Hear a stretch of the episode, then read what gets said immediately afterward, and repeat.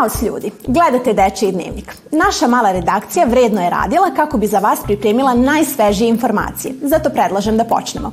Ja sam Zorana Nikoletić, a iz sadržaja Dečijeg dnevnika izdvajamo. Priču o nagrađenim mladim autorima. Kako izgleda nova kolekcija Lego igračaka. Ovog utorka otkrivamo vam sve o sportu na slovom M. A kakvo vreme treba da očekujemo sutra zna naš Pavle Bogojević.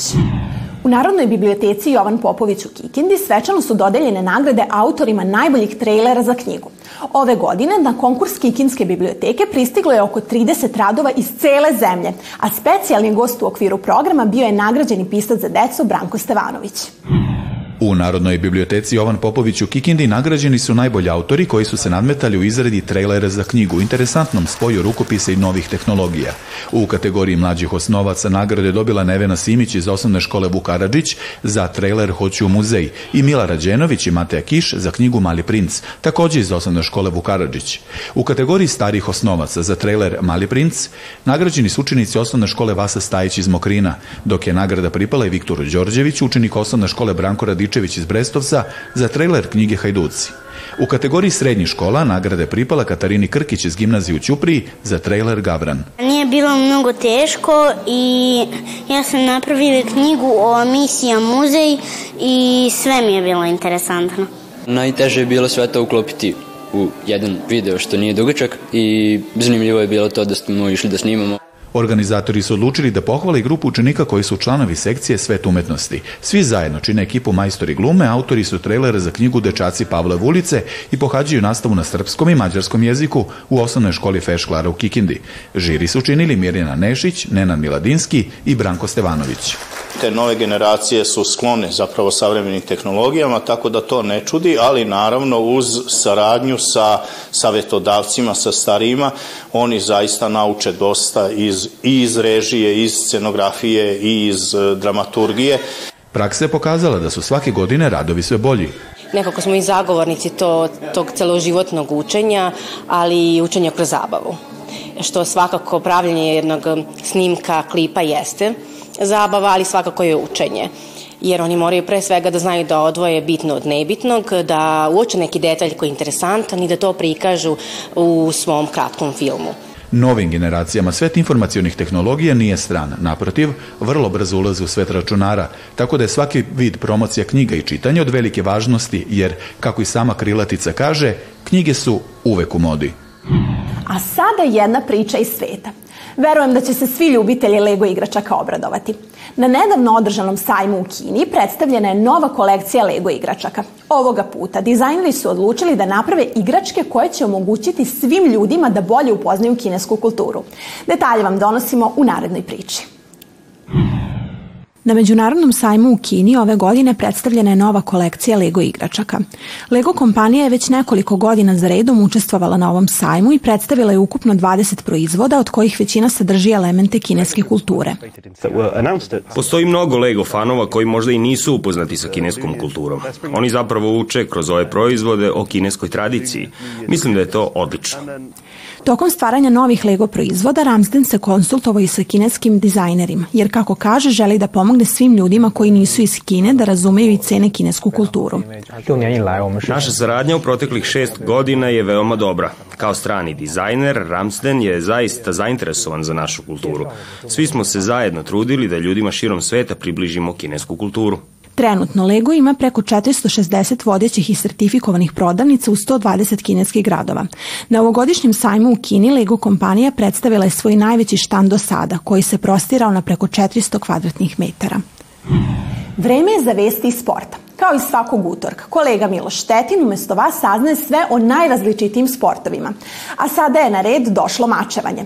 Ne znam da li ste znali, ali mačevanje je jedna od najstarijih oružanih borbenih veština.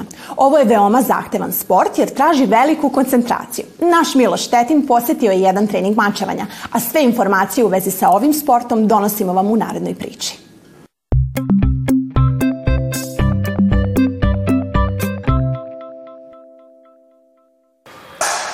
Pozdrav svima! U našoj rubrici na slovo na slovo sport već smo stigli do slova M, tako da danas pričamo o sportu u kom se sportisti bore sa mačevima. Pođite sa mnom da otkrijemo sve o mačovanju.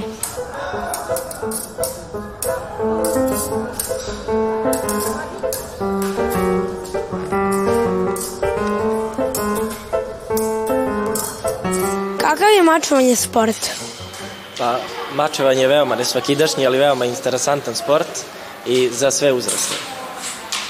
Da li su mačevi teški i kako baratamo sa njima? E, pa mačevi nisu teški, mačevi su teški od otprilike oko pola kilograma i kroz neke tehničke vežbe koje nisu veoma teške, možemo da naučimo da koristimo mač. Kakva su pravila u mačovanju?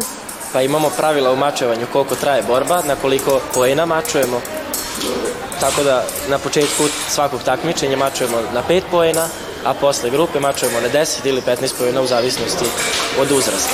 E, da li postoji odelo koje nas štiti od protivničkog napada mačom?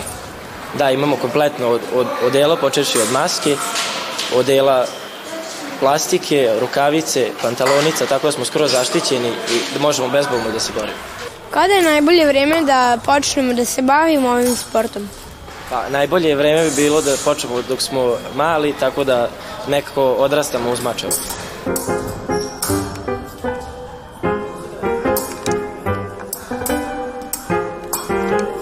Koje su nam veštine potrebne da bismo bili bolji u mačovanju?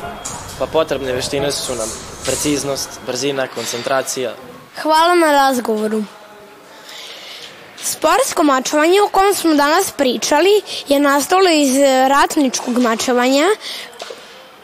I meni se danas baš svidelo kada sam, se, kada sam stavio de, masku i obukovo delo i, što, i kad sam držao mač. Drago mi je što smo danas o ovome popričali, a mi se vidimo sledeće nedelje sa nekim novim sportom. Ćao!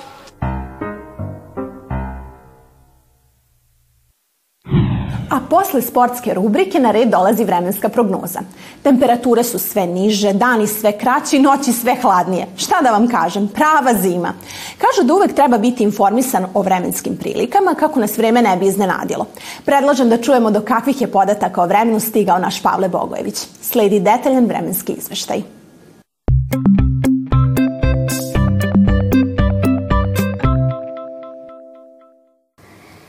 drugari, gledate vremenski izvešaj. Što se prognoze za sutrašnji dan tiče, Biće slično vreme kao i danas, samo za stepen ili dva niže. Dobra vijest je da neće padati kiša. A što se preporuka za sutra tiče, predlažem da se dobro obučete.